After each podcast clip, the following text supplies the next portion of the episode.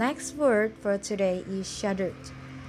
Shuddered means tremble, typically as a result of fear.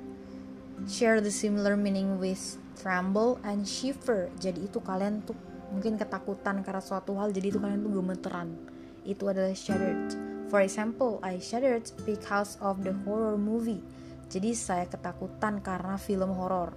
Jadi itu saya gemeteran saking ketakutannya. Itu arti dari shuddered.